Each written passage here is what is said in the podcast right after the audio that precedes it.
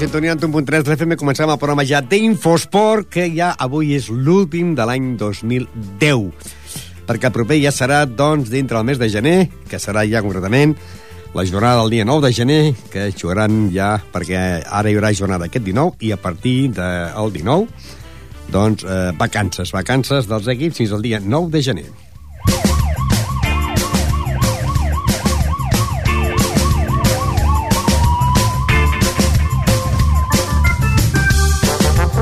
Anirem, doncs, per lo que serà aquest cap de setmana a les Vietes Sofran Lledó i us parla Ramon Argentí. Recordeu que demà, a partir de les 10, podrà tornar a sentir aquest programa. I que llavors ja doncs no tornarem fins al dia 10 de gener. El Ripollet ja sabeu que la categoria preferent és l'actual líder de la competició, ja fa jornades que és el líder, després de que la setmana passada guanyés a camp de Palafrugell per 0-1 en gol de Berni. Líder Ripollet, 32 punts seguit el Figueres en 27, Manresa 26, Àvia 24, Mollet i Farners 23, Granollers 22, Horta 20, 19 Premi de Dalt, 18 Gironella, 17 eh, Canyelles i Tona, 16 Tudor la Peira, el Palau en 15, el Caçam 12, el Banyoles en 10, el Palafrugell en 10 i tanca el Mataró, proper rival del Ripollet, que vindrà aquí com a últim classificat de la Lliga. Anem a recordar les paraules que mantenia el nostre company Miguel la semana pasada amb els entrenadors Manel López y Jordi Muñoz después de la victoria del Ripollet a Palafrugell.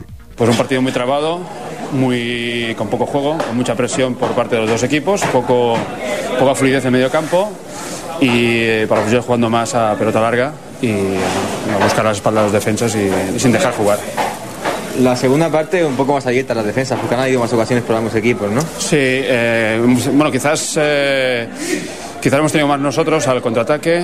Eh, ellos han jugado mucho muy directo y buscando pues, lo que decía, buscando un poco las espaldas de los defensas y, y con pelotas rebotadas, segundas jugadas, pues han llegado en alguna ocasión.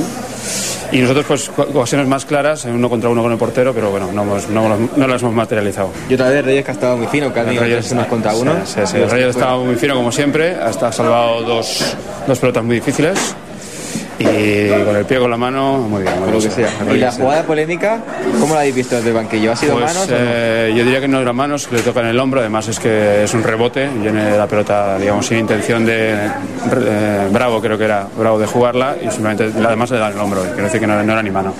¿Y la semana que viene viene Mataró, que va colista? Sí, pero. De la temporada también. Sí, sí, sí, pero no te puedes fiar de ningún equipo. No, ya el año pasado nos pasó con ese Arañola que no había ganado Sí, ningún sí, partido. sí. ¿Cómo lo veis el partido? Contra el Mataró, Jordi. Si jugamos como hoy, igual podemos perder. Si quieres que te diga la verdad. Hoy Sí, no te ha gustado nada hoy. no me ha gustado el partido ni gota. El peor partido creo que hemos hecho. Bueno, los he visto peores. El de Horta, No, no creo. El del Horta. Porque se perdió quizá. Pero- No, no, el de Horta no se merecía puntos ni uno ni otro. Bueno, pero yo creo que hoy no se ha jugado como nosotros sabemos. Entonces, eh, hemos perdido muchos balones que no- normalmente no se pierden. Pues bueno, si perdiendo, ga- jugando mal ganamos, pues Jugando viva el bien, fútbol. ¿no? Da un poco de miedo por ser el colista y sin, ningún, sin ninguna victoria. La verdad es que no me da tanto miedo el Figueras como el Mataró. Pero Mataró siempre sale al campo a buscar la primera y si contra el líder mejor, ¿no? Pues por eso mismo. Entonces, eh, es decir, uno miedo. porque es mejor y el otro porque está ahí abajo, pues o sea que no. Porque este año es la sorpresa de Mataró, si es un equipo que siempre está arriba. Bueno, ¿Por qué porque es que el Mataró tiene muchos problemas económicos y de todo. Han pasado ahora mismo, que yo sé, por ahí han pasado 40 jugadores, eh, deben dinero a. tienen una multa de no sé cuánto dinero. No sé, sus problemas deben tener porque no es normal. Bueno, y por último, te da enhorabuena porque si no me equivoco llegas a ser el campeón de invierno ya matemáticamente, ¿no? ¿Sí? No sé, no sé. El invierno hace frío, ya veremos, aún no lo sé. Pero ahora ya acaba la liga la semana que viene, Sí. hasta Navidad, y vas líder con una ventaja de más de tres puntos. Sí, cinco puntos, sí. Pero yo quiero que me felicitéis al final, ahora no sirve de nada esto. ¿Y ya lo esperabas tener esta ventaja al principio de liga? No, y vosotros tampoco. Tampoco, nadie, ¿no? o sea que creo que está bien, está bien. Estamos ahí, creo que es por méritos propios, eso sí, que, Sí, eso sí. que bueno, mira, y ya está. Y a ver si le podemos dedicar el ascenso a toda la afición que nos sigue cada semana. Que Que pasa pienso frío, que- que hoy ha habido mucho frío. Ah, pasa frío, pero creo que se merecen un 10 hoy. Hoy, lo- hoy la- el 10 para la afición. Futbol, futbol. I l'ambient que sentiu era perquè era dintre els vestuaris del Palafrugell, on el Ripollet va guanyar per 0-1. Aquesta setmana s'enfrontarien la jornada número 15 el Tona contra l'Horta, l'Avià contra el Figueres, el Premià Dalt contra el Palafrugell, El Granollers contra el Manresa, el Turó de la Peira contra el Canyelles, el Mollet contra el Caçà, el Baranyoles contra el Gironella, el Palau contra el Farners i el Ripollet eh, contra el Mataró. El primer contra l'últim classificat, Ripollet, líder amb 32 punts, Mataró ocupa la plaça número 18 amb 5 punts.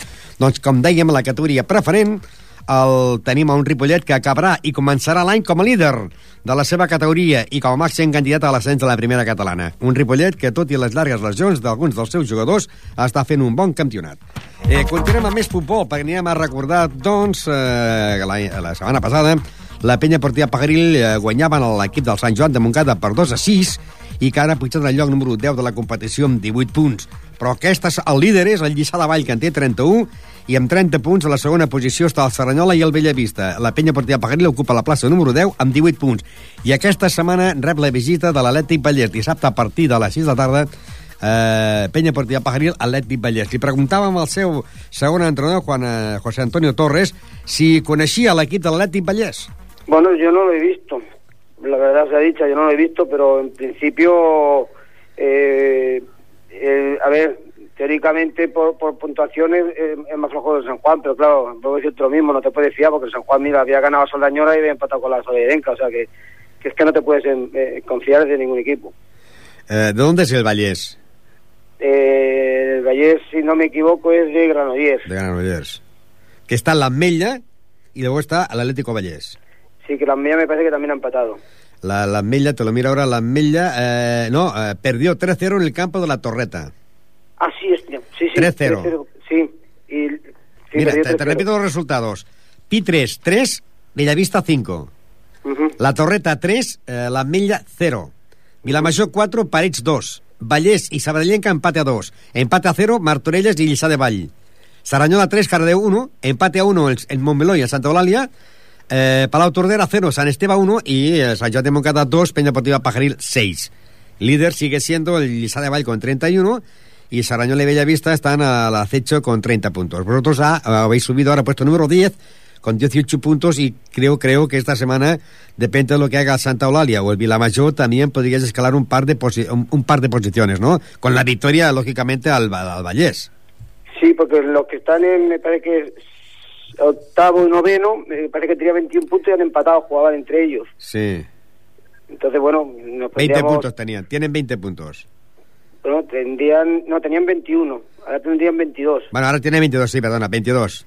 Tendrían 22, o sea, si nosotros hemos, ganado, tenemos 18, Sí. si ganáramos nos pondríamos nosotros con 21. Con 21. Por lo tanto, estaríamos a- ahí un poquito en el grupo de en medio, un poquito más tranquilos. Y, hab- veremos, a ver. y hablando de que jugáis esta semana en casa a las 6, eh, esa tarde a, a las 5 y media, ya casi, casi hora oscuro, eh, el, el- el problema de la torreta aquella que se apaga la luz se ha solucionado, ¿no? Sí, el problema de la torreta aquella ya no ha vuelto a fallar. Falló la otra semana otra torreta que no sabía qué, qué, por qué- qué había pasado, porque esa no había fallado nunca. O sea, hubo algún problemilla que tuvo la torreta y pues se apagó, porque la que se apagaba siempre, cada semana, esa se ha arreglado. O sea, al principio la que falló eh, eh, no era la misma siempre que ha fallado, no han fallado varias, ¿no? No, no, siempre fallaba la misma, que La era misma. la, del- la, la, la del fondo de la derecha. Pero esta vez ha, ha sido la parte izquierda del campo la que ha fallado. Yo no sé si lo habéis comprobado, pero a veces los, los dispersores, eh, lo que estáis cuando regáis el campo, yo el otro día lo estuve mirando y aquella se va mucho mucho hacia la torreta. Y podría ser que entrase que entrase agua por la parte de abajo. Es que si fuera de eso, imagino que haría algún cortocircuito o algo, porque realmente es que no... no- bueno, es que tampoco sé, no entiendo de esto, pero todo Porque tú sabes ser. que algunas veces la, los que están al lado de las gradas, más, más de una vez la gente de la grada se ha mojado. Que, Sí, sí, sí, que tú, pero- un, día, un día tú mismo lo, te lo estabas rectificando, ¿no? No podía ser que se produjera debido a esto. No, porque por ejemplo donde más se llenan, que son las dos que están en la grada, que es la que más han fallado, no, nunca se ha- nunca se han fundido. Y además siempre era la misma porque al final descubrieron que era un error de un cruce que había en una de las bombillas, por eso se, se apagaban. De todas maneras, el sábado pasado se arregló, el día que jugabais en casa se arregló, pudiste jugar el partido y, y, el- y el- ahí fue bien, ¿no? O sea que el problema es solucionado, ¿no? Sí, en principio sí, esperemos que no vuelva a pasar. Futbol. Futbol. Doncs bé, els de la penya Portiva Pajaril és el segon equip més antic de futbol de Ripollet que està jugant a la segona territorial i que la seva lluita és intentar aguantar aquesta categoria. En aquests moments ocupen el lloc número 10 amb 18 punts i estan a 13 del líder, que és el Lliçà de Vall, i a 9 del descens. Et dic que aquesta setmana jugarien a partir de les 6 de la tarda contra l'equip de l'Atlètic Vallès. Pel que fa al futbol de la tercera territorial, tenim dos representants, l'equip de la Defut i el Mirasol. A l'equip de la Defut, que és ara l'equip de l'Escola de Futbol Base de Ripollet, que la setmana passada perdia la pista de la Badia del Vallès per 2 a 1, mentre que l'Esdila perdia a casa davant de la Farga per 0 a 3. Líder el júnior, que té 25 punts, seguit de la Planada amb 23, Badia del Vallès 22, i en el quart lloc l'Escola Futbol Base de Ripollet, que ocupa la plaça número 4, amb 20 punts. Anem a recordar que aquesta setmana l'equip de l'Escola Futbol Base de Ripollet jugarà el diumenge a les 12 contra el Mirasol, i segons el Mirasol, la setmana passada guanyava per 7 a 1. Anem a recordar les paraules de uh, Chesco. Sí, le metió 7, sí, pero bueno, yo conozco gente de la Unión y aparte de que el Mirasol tiene un buen equipo, no lo vamos a dudar y es un hueso esta semana. El, la peña de o sea, la fundación, perdón, la Salud tenía dos sancionados a raíz del partido del Badía y le fue como con el equipo justo, con 11 jugadores, no sé si le expulsaron a algún jugador también. Y bueno, que por eso de la goleada, ¿no? Que, que ganara el Mirasol seguro, pero la goleada viene un poco dado por eso. Y luego la planada cero, Marina Cena, que este, este resultado os viene a vosotros. Sí, nos viene bien. Ahora, Sí, y si hubiéramos ganado ya no te quiero. ah, si hubiera ganado os poníais empatados con el segundo, que es la planada. Ya, ya, pero bueno. Y luego les Dila, que perdió 0-3 frente a la Farga. Pero esta semana recibiréis la visita del Mirasol. Un Mirasol, pues Sí, que vendrá ¿eh? como goleador, 7-1. Es, el, el Mirasol es un hueso y luego aparte nosotros, Diego esta semana no puede venir. Estamos hablando de Diego Pérez, el, el, el Sí. goleador, ¿no? Sí, nuestro jugador que lleva más goles, sí. Esta semana no puede venir por trabajo. Recupero a David, eso sí. David. Y Farid se ha ido de vacaciones fuera y tampoco está. Y tengo de sanc- sancionado a Lisma. Al Isma. Bueno, pero bueno, la plantilla es grande y, y tenemos que ganar. No, lo que pasa es que en casa vosotros eh, causáis respeto, ¿eh? Los equipos tampoco vendrán a... A ver, nosotros de momento este año lo priori- la prioridad es en casa que no se escape nada. Si esta semana volvemos a ganar, el pinchazo, entre comillas, del campo del Badía no, no tiene tanta importancia. Lo que pasa es que estamos obligados a ganar, claro, y el Mirasol no es un equipo fácil, ¿eh? Es un equipo que tiene experiencia, tiene, son guerrilleros, le sigue gente, vendrán gente también aquí al campo, o sea que desde aquí también, si alguien se quiere acercar este domingo a darnos ánimos, que venga, porque ellos vienen y apretan y es un equipo que es correoso. Por el momento, todo y con la derrota de esta semana, está hecho en el, cuarto lugar, con 20 puntos, a tres nada más, a un, a un partido ganado, ¿no? De la planada, Sí. que es el segundo. Sí, sí, sí, por eso te digo que si ganáramos en casa es no es un trom- bueno, es un pequeño trompezón lo de Badía. Esperemos, pues, que, que tropiece aquí y sea el equipo del Mirasol. Eso espero yo también y deseo. Futbol, futbol. I doncs l'equip de l'Escola Futbol Base de Ripollet és, al igual que la temporada passada, és l'equip revelació. De l'any passat van acabar dintre dels cinc primers llocs de la seva pri eh, primera temporada. L'equip entrenat per Xesco en aquests moments és el quart classificat a dos punts del tercer, a tres del segon i a cinc del primer, que és l'equip del júnior, i tenim que jugar eh, encara entre ells. Eh, també hi ha la mateixa categoria, doncs està l'equip de l'Esdila, que la setmana passada perdia a casa davant de la Farga per 0-3, i aquesta setmana juguen, doncs, el dissabte a partir de les 8 de la tarda eh, contra el Marina. Anem a recordar les paraules que mantenia amb el seu entrenador, eh, Rubén Marín. El equipo de l'Esdila siempre juega mejor casi casi con los equipos que van arriba que con los de abajo, ¿no? Bueno, vamos a ver. eh, resulta que los cuatro o cinco primeras jornadas fueron las que jugamos con la gente de abajo. Y claro, aún no habíamos hecho una, una pretemporada muy corta, no nos conocíamos, mm, 28 jugadores entrenando, eh, poca afinidad entre ellos, eh, todo todo nuevo, yo también nuevo, competición nueva, entonces pues mm, yo creo que empezamos en la sexta jornada a empezar a, a formar el equipo y ahora pues estamos intentando hacer táctica y demás y poco a poco lo estamos asimilando, pero claro, han venido todos los equipos de arriba. Esta semana habéis perdido 0-3 frente al equipo de la Farga, pero esta semana eh, jugáis fuera en el campo del Marina. Un Marina que esta semana ha empatado a cero en el campo de la Planada, que es el segundo. ¿Qué tal el Marina para ti? Mm, Marina, por lo que se ve, tiene una defensa bastante fuerte, es un equipo bastante duro. Eh, Para mí la planada era es- es un buen equipo y bueno y no han conseguido marcar. Eh, bueno, comentamos, yo comentaré con el entrenador de la planada que he quedado en hablar con él mañana para ver cómo, cómo fue el partido y demás, a ver qué me puede indicar. y bueno, veremos. Es, es una hora un poco complicada, el sábado a las 8 de la tarde. Sábado jugaréis. Sábado a las 8 de la tarde. Es un poco mala la hora, un poco tarde, pero bueno, veremos a ver. Nunca habíamos jugado tan tarde y un sábado. Eh, me faltan bastantes jugadores porque tengo a- tengo chicos jóvenes que hacen de camarero y el sábado es, una cena, es un día clave para cenas de empresa y vamos un poquito a un cuadro al partido. Un cuadro frente a Marina, que es el quinto con 20 puntos. Porque, claro, tú, eh, el problema que tienes tú es que, eh, como venías del deporte base, a esos equipos casi no los conoces, ¿no? Claro, no conozco a ninguno, yo soy soy de Gabá, teníamos nunca el grupo de, de Ripollet, conocía a los, la gente de Bacho Bregat y poco más, y claro, con mm, categorías bastante más altas, eh, claro, de, ayudar a un segunda B, de segundo entrenador, o de ayudar, de estar de primer entrenador en tercera, a ponerte en un equipo de tercera regional, pues la diferencia es abismal, sobre todo a la hora de confeccionar entrenamiento, que disponemos de medio campo, eh, bueno, luego pues la gente siempre está trabajando, eh, te digo, a lo mejor tenemos siete, siete bajas para este sábado. ¿Y cuál bajas. es, cuál es la, categoría o los equipos más duros o que juegan mejor, la parte del Vallés o la parte del Baix Llobregat? Yo creo que aquí hay más rivalidad en el sentido de que hay cada municipio e incluso tiene cuatro y cinco equipos. Entonces, por un lado, eh, hay diferencias de que eh, los equipos a lo mejor tienen un pelín menos de nivel porque se reparten entre más equipos, pero un equipo que tiene categoría, pues eh, si subes a ese año o quiere mantenerla o lo que sea, siempre sobrevive a través de los equipos de- de- del municipio. Claro, un jugador de Gama o de Vila de Cans, pues le da igual jugar en el Vila de Cans que en el eh, en el cerca, o sea, dos son de, de Vila de Cans, si te ofrecen eh, siempre algo mejor o tienen mejor equipo y mejor categoría, pues no salen del municipio.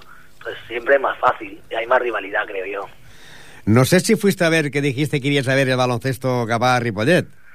No, no me acerqué al final. Pues, me eh, quedé hablando con los jugadores y demás, que ya digo, tengo muchas bajas para este sábado.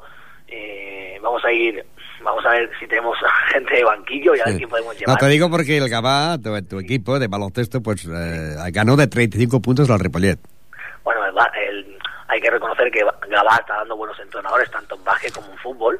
Gabá tiene el entrenador del primer equipo del básquet del Barcelona y del balonmano, los dos son de Gabá, Sí, sí. coordinadores del de ayuntamiento junto conmigo. El Xavi Pascual, los dos se llaman Xavi Pascual, y uno es entrenador de balonmano, que va Sí. líder en la categoría, y del Barça de básquet, que, que el año pasado ha quedado campeón de Europa. Estáis fuertes los de Gabá, ¿no? Estamos fuertes.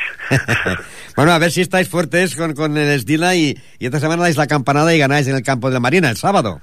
Se intentará, se intentará, pero yo eh, confío, no sé lo que pasará este sábado, que ah, después del derby, que es la semana siguiente, de- ya es para el año que viene, eh, jugaremos con cuatro o cinco equipos de tabla por, por medio medio baja y ahí tenemos que sumar, pues, no sé, de 15 intentaremos sumar 10 mínimo y levantar un poco el ánimo de la gente. Suerte! Muchas gracias. Les paraules de Rubén Marín, que és l'entrenador de l'equip de... Futbol. Eh, es pot dir que aquest equip porta el mateix camí de l'última temporada, en l'últim lloc del seu grup. A sols té una victòria que va ser molt sonada, ja que fou contra l'equi- l'equip de la penya blaugrana Sant Cugat de Vallès quan eren els líders. El nou entrenador, Rubén Marín, és l'equip que venia doncs, de Baix Llobregat i que aquest any doncs, està com a entrenador de l'equip de l'Estila. Anem ara ja al món del futbol sala. Futbol sala. Futbol sala. I al del futbol sala, doncs, el Ripollet té un partit al camp d'un històric, que és el Martorell de Porta, que la setmana passada, en petit homenatge a José Manuel Osuna, doncs varen guanyar en l'equip del Premià de Mar per 6 a 5.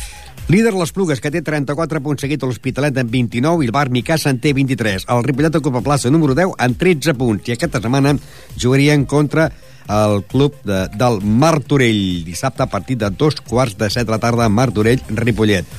Un Martorell que ve de descansar la setmana passada i que un Martorell eh, que ocupa en aquests moments la plaça número 14 amb 9 punts, amb un Ripollet que ocupa la plaça número 10 amb 13 punts. Pel que fa el Ripollet és líder de la competició, però pot perdre el liderat perquè juga al camp del segon, que és a la línia. El Ripollet B té 21 punts i a la línia en té 20. Un Ripollet que la setmana passada guanyava eh, a la Lilla guanyava 3 a 9 al camp de l'Sporting Prat, mentre que el Ripollet, per sorpresa, partia davant del el Sporting Viladecans per 4 a 8. Hem de dir que en el món del futbol sala, el primer equip del Ripollet està passant una temporada molt difícil. La dimissió del president Antonio García, l'entre- eh, la dimissió també de l'entrenador Antonio Estremera i, per últim, la mort del delegat José Manuel Osuna. Amb això s'uneix les llargues lesions de jugadors com Bayón Busta i Rubén. El nou entrenador Nico Seoane acaba, no acaba de trobar el 5 ideal. Eh, recordar que són 15 els equips que perden la categoria i són eh, els 8, o sigui, d'aquests eh, 15 equips en baixen 8. Perquè fa el Ripollet B, l'equip entrenat per Juan Orduna, encara que queda temporada li prenen jugadors que passen al primer equip, ells segueixen igual, en els primers llocs de la classificació. Acabaran l'any com a líders i començaran el 2011 a la pista del segon grup, que és l'equip del Alella. I seguim amb més eh, futbol sala, perquè en aquest cas a l'equip del Can Clos aquest cap de setmana jugarà contra l'equip del Montserrat, que va últim. A La setmana passada eh, perdien a la pista del Cervera per 5 a 4 i el Montserrat perdia a casa seva 0 a 10 davant del Caldes. Aquest cap de setmana, Can Clos, eh, divisió d'honor catalana, contra el Montserrat. I pel que fa a l'equip B, que la setmana passada perdia a casa davant del Teià per 0-7, doncs es jugarà aquest cap de setmana dissabte a les 4 contra l'equip del Centelles. Hem de dir que el Can Clos de l'equip A ocupa la plaça número 8 de la competició amb, 8, amb 9 punts, mentre que l'equip B ocupa la plaça número 11 amb 6 punts. Com dèiem, doncs, al futbol sala femení, els dos equips del Can Clos, un la divisió d'honor catalana i l'altre l'equip de la primera divisió, estan en una, en una temporada també amb baixes de jugadores que han deixat l'equip i la plantilla no és gaire llarga i tenen que fer molts canvis. Per al moment, el primer equip ocupa el lloc número 8, el lloc de, de 13 equips, mentre que l'equip B és el, ha classificat el lloc número 11 de 12 equips. Aquest cap de setmana, Can Clos Montserrat, televisió d'honor eh, femenina, i Can Clos B, Centelles, a la primera nacional.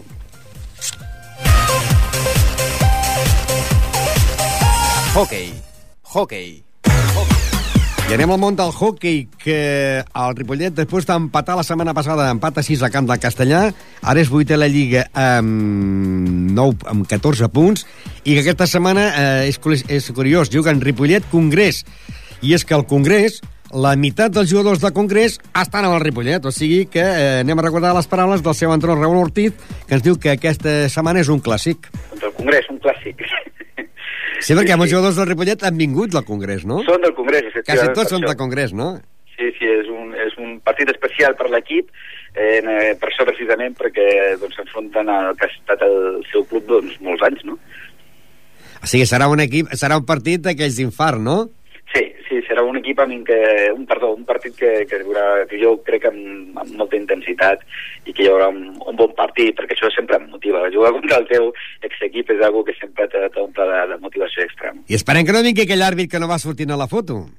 Esperem que no. De, de fet, ens consta eh, a través de, de les gestions que s'han fet des del club que realment va, els, els hi va tocar la cresta d'alguna forma aquell àrbitre perquè hi va haver moltes eh, negligències o hi va haver moltes, molts efectes raros en tot el procés, no? des de l'arribada tard, al començament del partit, en no deixar fer el protesta, tot això al final també ells pagaran la seva, la seva multa, la seva pena, no sé com serà. I com ha acabat la història dels porters, les sancions? Doncs estem amb, amb el Meli, que aquesta jornada complirà, que és la propera contra el Congrés, la, la vuitena, el, vuit, el vuitè partit de sanció, li quedarà només un, i a partir d'aquí ja tenim l'equip al 100% una altra vegada. Hem anat recuperant jugadors a poc a poc, perquè el Pol Vallès, el primer partit que ha jugat després de les sancions, ha sigut precisament aquest contra el Castellà. Però Va ser massa, massa partits, no? El van expulsar masses partits, no?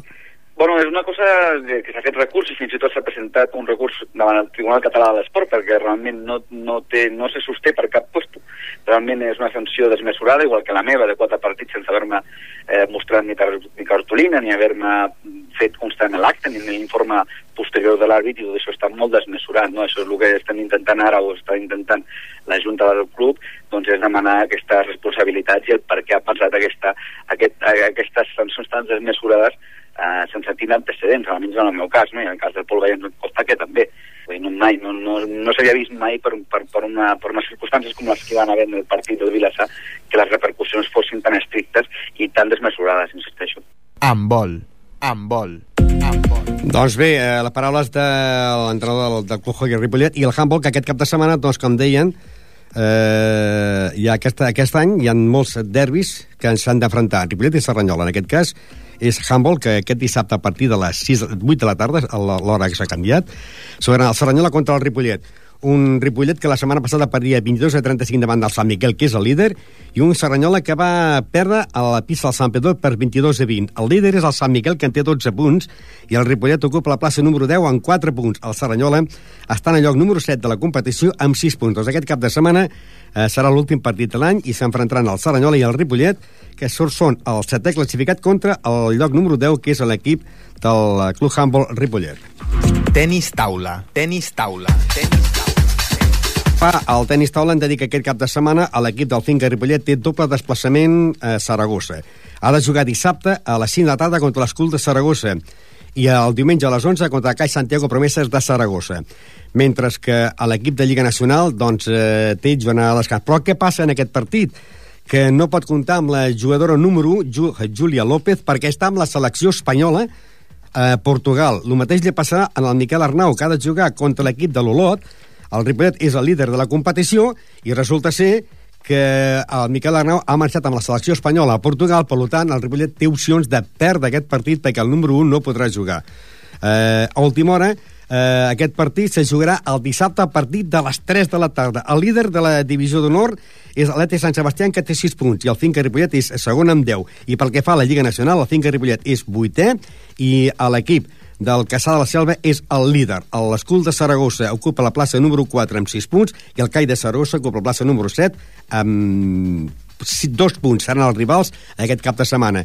Mentre que l'equip femení eh, ja aquesta setmana té jornada de descans. Bàsquet, bàsquet, bàsquet. Ja ara tocaria parlar del Club Bàsquet Ripollet, però el deixarem per últim perquè doncs, ja sabeu que sempre que tenim els protagonistes eh, doncs els posem en última hora. El Club Bàsquet eh, La Bellgasó, que aquest cap de setmana doncs eh, jugarà el seu últim partit de l'any contra l'equip del Cervelló, que és el penúltim de la Lliga amb 12 punts.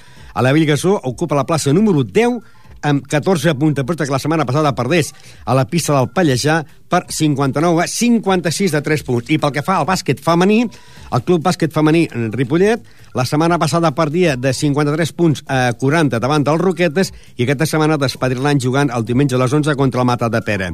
S'enfrontaran a l'11è classificat, que és el Mata de Pere, en 13 punts, i el bàsquet en Ripollet femení, que ocupa la plaça número 12 amb 13 punts. I finalment diem que en el món del tennis el Club Tenis en Ripollet aquesta setmana jugaran doncs, els dos partits. Aquells jugadors de més de 40 anys, el Club Tenis Ripollet jugarà contra les Moreres i a partir de dos quarts de 4 de la tarda el Tenis Ripollet de la divisió primera de més de 40 anys jugarà contra l'Olesa de Montserrat.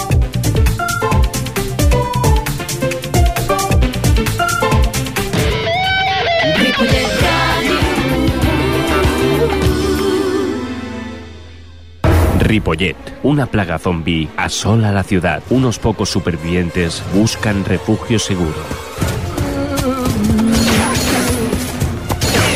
¡Meteros en ese edificio! ¿Qué hacemos? Jugar al uno, lavar la ropa a mano, jugar con el Power Ranger rosa, único. No malgastéis munición. ¿En serio? ¿Qué hacemos? Café con za. Todos los miércoles de las 8 de la tarde a las 10 de la noche, escucha en directo Café con Sal. Y si te lo pierdes, escucha la repetición todos los sábados de las 12 del mediodía a las 2 de la tarde. Chou, chou, pásame algo para tapar esta ventana. No puedo, niño, estoy ocupado. El sonido desde los 80 tiene un sitio cada lunes en la 91.3 de la FM. Desde las 6 a las 7 de la tarde viajaremos en el tiempo. Los éxitos más importantes en el gramófono. Te apuntas los lunes de 6 a 7 de la tarde. Soy Paco Soriano.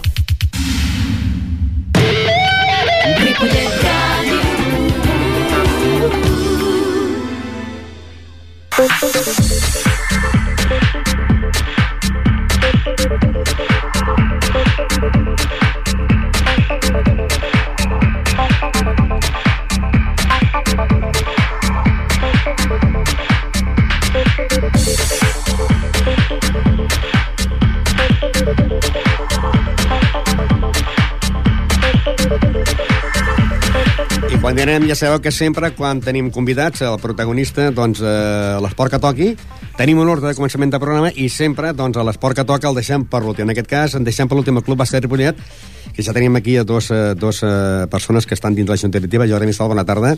Bona tarda. I Jordi Jorba, bona tarda. Bona tarda. Eh, començaríem parlant, si sembla bé, de, de, de l'actuació del Club Bàsquet Ripollet, del primer equip, abans seria de l'entitat en general, i si cas mirem doncs, l'última jornada, que va ser la del dia 12 de desembre, on el Ripollet va perdre la pista del Gavà per 88 a 49, i que en aquests uh -huh. moments està en zona de descens directe.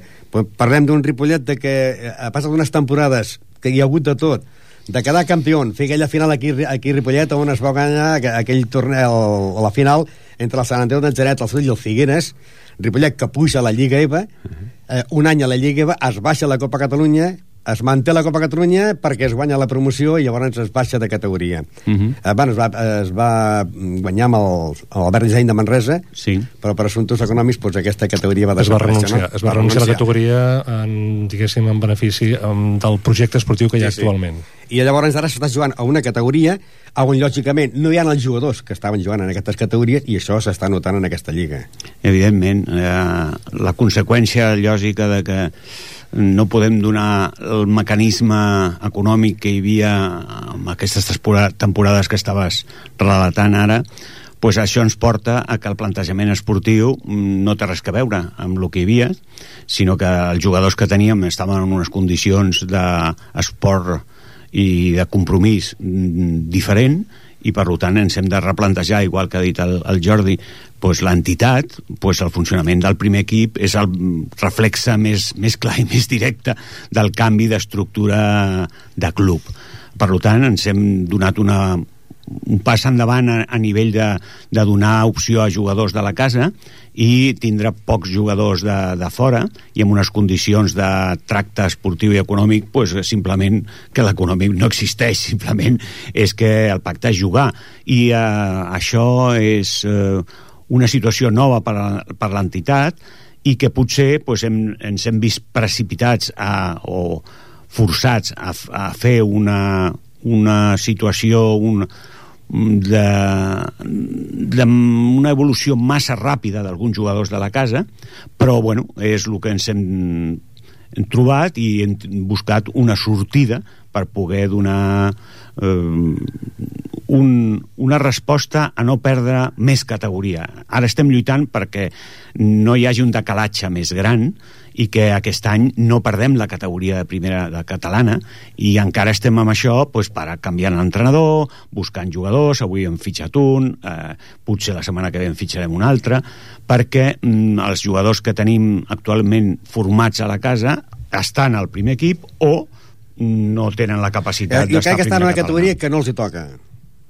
Perquè ara, Ah, si, alguns sí. eh, si seguim el- la temàtica de sempre, ara els dos últims baixarien, que seria Vilanova i el Ripollet, i llavors Sí. promocionarien Morell, Serranyola, Salou i Sant Cugat. Uh -huh. Vull dir, és el mateix que la Copa Catalunya, no? Els Exactament aquests. igual. El que passa que hi ha el factor camp de com quedes, que te n'enfrentes amb, grup, amb un altre grup, i tens el factor pista davant si...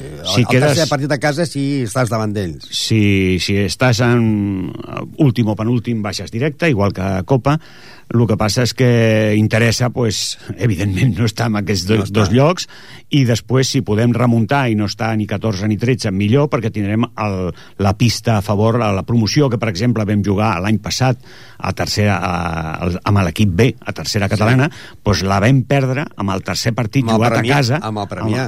eh, que teníem totes les opcions de guanyar perquè havíem guanyat a casa i el partit de- de- d'allà de, de, de fora pues, havia estat força bé i en canvi ens va sortir un partit horrorós però bueno, tens l'avantatge d'estar a casa amb el tercer partit si quedes eh, tre- 13 o 14 eh, l'últim partit el jugaràs a I en fora canvi, amb el Albert Disseny de Manresa, em sembla que es va jugar a la seva pista sense allistar termes Uh -huh. i es va guanyar el partit. Sense, sense jugadors franquícia. Va, sí. Els, els jugadors de la casa, els jugadors de Ripollet, I es va doncs guanyar. van guanyar la categoria.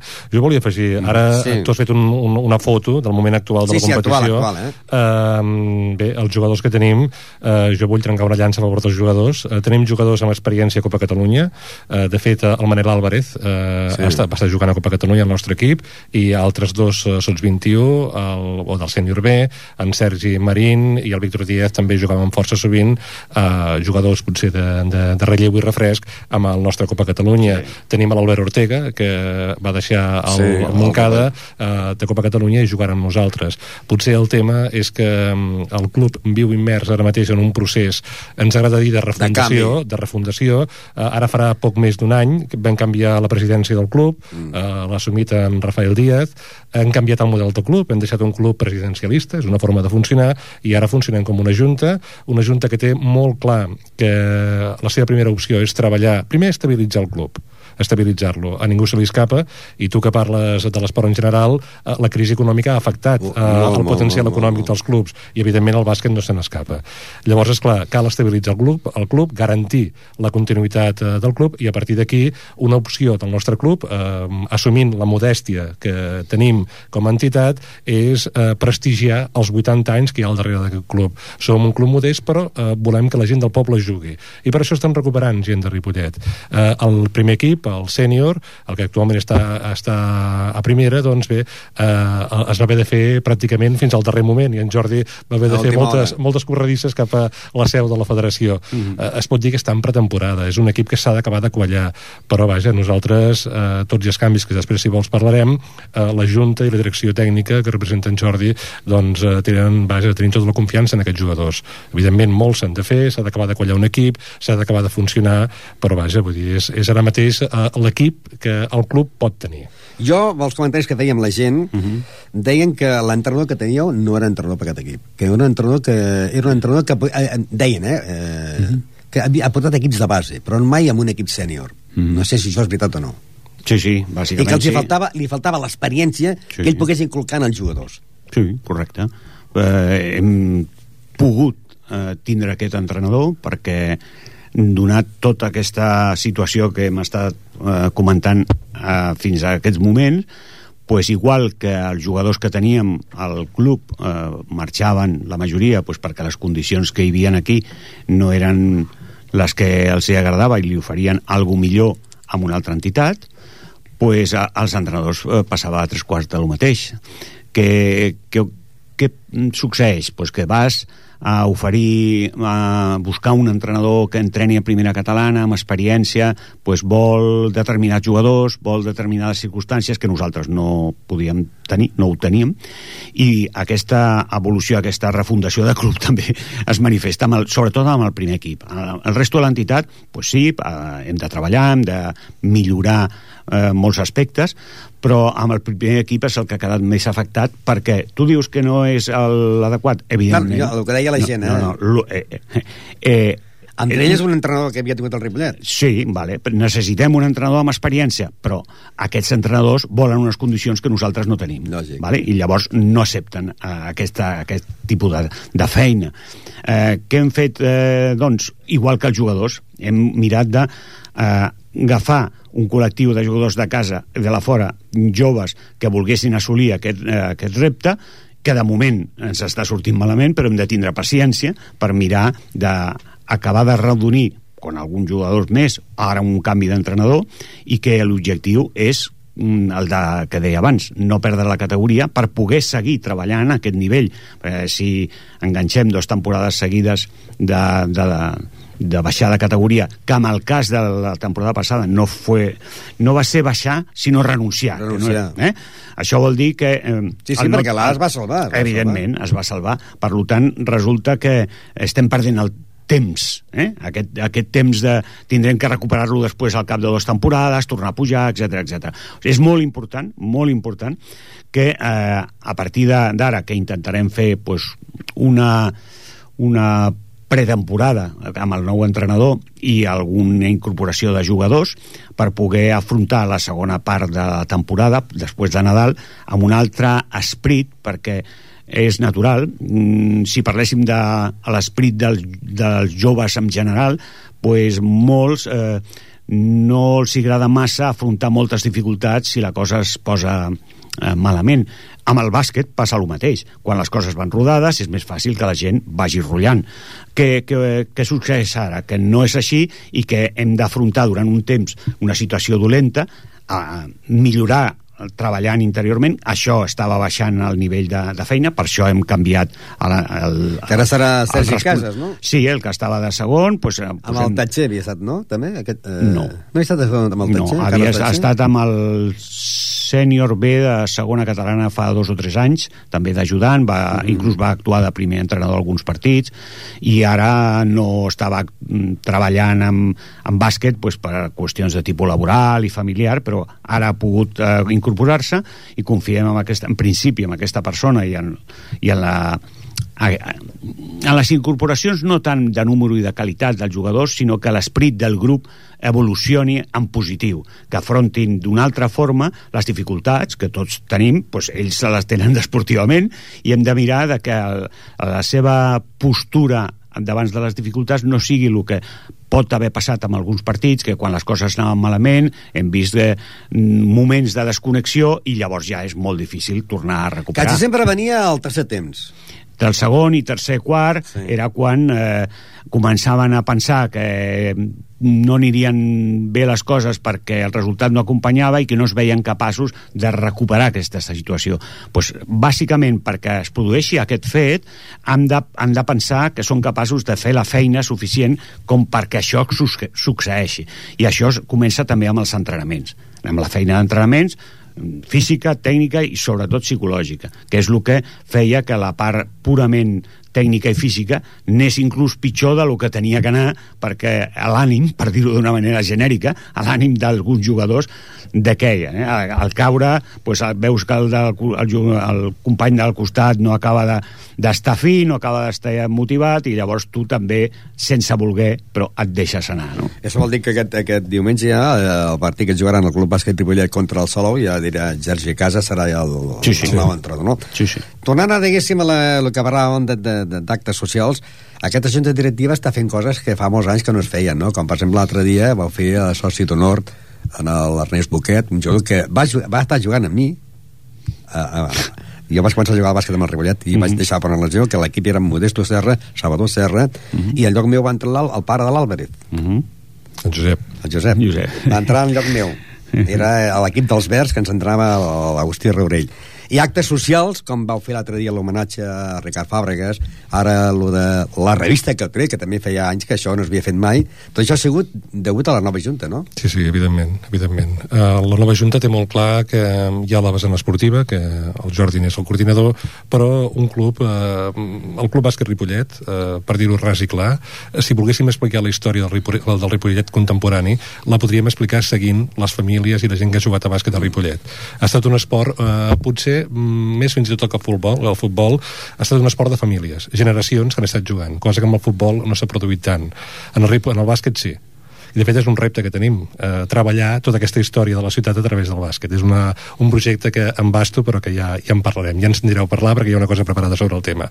Llavors, clar, nosaltres ens vam adonar en fer el canvi d'un club presidencialista dirigit per en, per en Jaume Mogues amb tota la feina que va fer, que li agraïm, eh, som una junta col·legiada amb participació de, bé, de X persones, voldríem que foren més encara, però vaja, intentem fer una feina doncs, que eh, toqui la vessant esportiva però també la, la presència del club a la ciutat. Hem de prestigiar el Club Bàsquet Ripollet. És una marca que té 80 anys. Llavors, esclar, l'any vinent seran 80 anys. En 1931 s'ha fundat aquest club. És el segon més antic del poble i abans va ser el futbol. Llavors, esclar, hem de prestigiar-la. I com podem prestigiar-la? Doncs recuperant i, i fent present la història d'aquest club, de les persones que han fet possible aquest club. Parlaves d'en Ricard Fàbregas, parlaves de l'Ernest Boquet, eh, la teva germana, per exemple, sí, sí. Eh, avui, surt, avui ha sortit la revista Cor Blau, la revista del club, el número 4, uh -huh. i la teva germana és una de les pioneres del bàsquet femení al Club Bàsquet Ripollet. De fet, eh, enguany farà 60 anys es va crear el primer equip de bàsquet femení sí. de la ciutat. Eh, tres noies de Ripollet, llavors, i tres noies de Cerdanyola. Bé, tota aquesta història volem que sigui present, volem que la gent la conegui, i volem que persones persones que havien estat importants pel bàsquet Ripollet tornin al Club Bàsquet Ripollet, que ens ajudin. Necessitem ajuda de tothom. Aquest club eh, no és ni meu, ni teu, ni del Jordi, és de tots. I és de la població. És un signe d'identitat del poble. Llavors volem que tothom eh, es trobi a gust. El, els nostres, bé, el pavelló que tenim ara, el Francesc Berneda, que cedeix l'Ajuntament de Ripollet, en el seu moment eh, fou possible gràcies doncs, a la Junta que hi havia en aquell moment, per coses va anar a mans de l'Ajuntament de Ripollet, actualment és municipal, i volem que quan juguin els nostres equips, doncs, la gent de Ripollet s'hi trobi a gust. Jo crec que ho estem aconseguint a poc a poc. Molta gent està tornant. I vaja, i la cosa, eh, l'homenatge a Ricard Fàbregas que comentava, doncs donarà peu, eh, ben probablement, a la creació d'un equip de veterans de, del Club Bàsquet Ripollet. Vull dir que una mica aquesta vessant social per a nosaltres és molt important. És molt important. Eh, som una entitat esportiva, eh, tenim un aspecte resultadista, evidentment, clar que sí, vull dir, els nois i les noies competeixen per guanyar, però... Sí, tots els equips. Clar, eh, estan en el moment que estan i són els que són i, vaja, i fan el que poden i els, nosaltres només els demanem això a la Junta, que mm, actuïn professionalment, no cobren, en Jordi ho deia, no, ho podem dir clarament, no cobren perquè no, no podem pagar-los i bé. I es cobren els àrbits, i prou. Els àrbitres i la... I cars, bé, no? eh, Bé, això, això és una cosa que ve marcada per la federació, ells no cobren i elles no cobren, però volem que quan surtin a la pista donguin tot el bàsquet que saben donar. Que s'ho passin bé, això per començar, però que a més a més donin el màxim a la pista. No volem eh, gent que va caminant a la pista que no té esperit. Vull dir, aquí no, a ningú se l'obliga a jugar. Eh? Vull dir que volem que donin, que donin. Eh, suposo que el, un matís que, que voldria aportar amb aquest aspecte és que és eh, la professionalitat no té per què ser econòmica. La professionalitat és, en aquest cas, esportiva, purament un esprit esportiu, que és el que jo apuntava que els hi passa amb determinats jugadors en determinats moments perquè estan condicionats per lo que diu el Jordi prioritàriament veuen el mal resultat que estan eh, assolint en aquells moments. I en lloc de centrar-se en fer les tres coses que han fet malament la propera vegada bé, o millor, si no bé del tot, es, eh, es deixen anar perquè el resultat de les seves actuacions no és el que esperen. Vale? I això va lligat amb el que deia al principi, de l'esperit de lluita, de consciència i de compromís, sobretot la paraula clau és compromís amb el seu, eh, eh, amb el seu equip, amb el seu club, amb, el, amb la seva activitat en si, que en realitat és una activitat lúdica per tant, no té per què ser una qüestió al compromís i, i l'entrega ha de ser una cosa voluntària i de disfrut, de, de, que s'ho passin bé. Pues, el passar-s'ho bé és fer tot el que pots per disfrutar amb l'activitat que t'agrada. Si li agradés, no sé, pues anar a cantar amb un orfeo, pues seria anar a cantar amb un orfeo. Si és el bàsquet, el que no pot ser és que les primeres de canvi, perquè les coses no surtin el que ella espera, la persona espera per al seu esforç, pues el que ha de fer és continuar esforçant-se individual, però sobretot un esport col·lectiu és fonamental la comunicació entre uns i l'altres, tant a nivell d'entreno com de partit. I tornant al primer equip, precisament, és un equip que, que ja fitxa el bàsquet aquí a Ripollet, perquè estem pensant, un equip que ara va últim, i que el pavelló se juga els dissabtes, els diumenges a l'estat tarda i que hi va gent. Sí, sí, mm. a més a més amb una crida... I, i gent, o sigui, sí. s'omple el pavelló. En, en els mitjans electrònics del club, en el Facebook, en el blog, hem fet una crida especial aquest diumenge perquè la gent vingui al pavelló. Eh, li vam dir una cosa al Sergi Casas, vam parlar amb ell quan va assumir, vam parlar amb l'Àngel Canals l'antic entrenador, s'ha de dir que li hem agraït la feina feta, molt, però també entén, eh, és un tòpic potser del món de l'esport, eh, o canvies tot l'equip o canvies l'entrenador. I, I passi sempre canviar l'entrenador. Ja, sí, sí, sí, sí. No, evident, per mi, evidentment li hem agraït la feina feta, és un, volem que sigui un revulsiu, volem que sigui doncs, la pedra de toc que comporti el canvi, i, i una cosa li vam dir al, al Sergi, vull dir, treu pressió als jugadors, treu pressió als jugadors, eh, que és que facin bé el que fan els entrenaments. Si l'entrenament flueix, eh, no sé qui deia, i tu Jordi, que portes molts anys en el tema, que el que es fa a l'entrenament és el que després es sí, veurà a la pista sí, de bàsquet. Sí. Dir, que s'ho passin bé, que, que, que, que entrenin al màxim, eh, que disposin dels jugadors de l'entitat, eh, els que siguin. Volem promocionar la gent del poble. Mm -hmm. I si hi ha un júnior que pot anar a entrenar amb el primer equip, perquè cal, doncs per aquell nano, eh, Ramon, eh, és un premi anar a entrenar amb els grans. Clar, clar. Volem que sigui això. Tots volen acabar el primer equip. Clar, clar, mm -hmm. clar. I, I volem que sigui això, que la gent s'ho passi bé, que s'ho passin bé els entrenaments perquè després estem convençuts, eh, si, amb independència del resultat, si guanyen millor, però amb independència del resultat faran un bon treball a la pista. Mm -hmm. La guerra de quants equips té el bàsquet Ripollet? Ah, Dels més petits als, en el primer equip. Tenim sis equips, cinc masculins i un femení. El femení està a edat cadet, i els masculins són dos júniors, un de nivell A i altre a nivell C, i els sub-21 un de nivell A2 i altre de nivell B. I després el sènior a primera catalana. I un dels problemes que hi ha, que hi ha hagut també doncs, durant aquests anys, és que mm, no, ens, no hem treballat lo suficientment bé com perquè els jugadors que sortien de la casa poguessin donar el salt al, al primer equip sènior. Al tindre el segon equip sènior era més fàcil, Clar. però aquest any no hem, tingut, no hem pogut tindre el sènior B. Això que l'equip que juga és més difícil. Ja, aquesta llavors, per, pel jugador, eh, el salt entre un sub-21 o un júnior, com deia ara el Jordi, pues, la il·lusió la posarà, però si després mm, vol competir amb els seus companys del primer equip i amb els contraris de, de la categoria del sènior, pues, té més dificultats perquè està molt més lluny. No? Això, això és una feina que tenim eh, que millorar, de que els equips de promoció júnior i sub-21 pues, eh, puguin competir a nivells més alts perquè estiguin més a prop de el primer equip i un altre és crear un segon equip perquè això no sigui tan difícil que això segurament l'any que ve si no ho aconseguim almenys ho intentarem de fer un esglaó entre el primer equip i el sub-21 que sigui un intermig un altre, com teníem, un segona catalana Sí, sí. un tercera catalana, un territorial X, perquè els jugadors de la casa puguin donar els, els salts amb més I no facilitat sigui el salt tan alt. i només pensar en això, sinó també crear algun equip inferior, de preinfantil, sí. infantil, cadet, tant masculí com femení, perquè l'estructura estigui més eh, assentada, perquè ara ens ha quedat una mica la cúpula, però els jugadors s'han anat fent grans i els equips inferiors que teníem han desaparegut i no hem pogut substituir-los. De... Aquest és una funció molt important de tots, no solament meva, sinó de captació de totes les persones del club, d'aportar el possible per poder crear equips de formació, com el seu nom indica, per poder formar-los des de més d'hora i que arribin millor al salt als equips sèniors. Pues estem ja a la recta final. Algun fitxatge a part de l'entrenador? Bé, hi ha un pivot, un pivot Sí, nou, que pivot justament nou. avui s'ha s'ha fitxat. El diumenge debutarà eh, el senyor eh, Àngel Gil, es diu, que ve de, de... És un jugador que havia jugat a Santa Coloma. Amb, Feia falta un pivot, eh? amb, ah, sí, sí, és un home gran d'alçada, vull dir, està sobre els dos metres i de i té un cos per poder lluitar per els rebots. Un dels problemes nostres dels, dels jugadors interiors és que són joves i amb, amb poca experiència i amb poc cos per lluitar amb els... Jordi, tu que saps el món de la ràdio com va, eh, què li diries en un minut doncs, a la gent de Ripollet perquè vingui al bàsquet? No sap bé, molt fàcil, doncs, si li agrada l'esport, si li agrada aquest poble, si vol viure amb, intensament el diumenge a la tarda que vinguin al Francesc Berneda a veure els nostres jugadors i animar-los. Els que venen ho fan, eh? s'ho passaran bé i de veritat que volem que sigui una olla pressió però positiva sempre, amb esportivitat, amb respecte al contrari, però animant a la nostra gent. Doncs moltes gràcies per estar aquí, eh, bon Nadal i sobretot que comencem una bona victòria guanyant aquest diumenge en el Salou. Ojalà. Esperem, esperem. Gràcies. Bon Gràcies Nadal a per tu també i per la gent de Ja sabeu que demà aquest programa es torna a repetir de 10 a 11 i que el dilluns no hi haurà programa. Adéu-siau i bona tarda.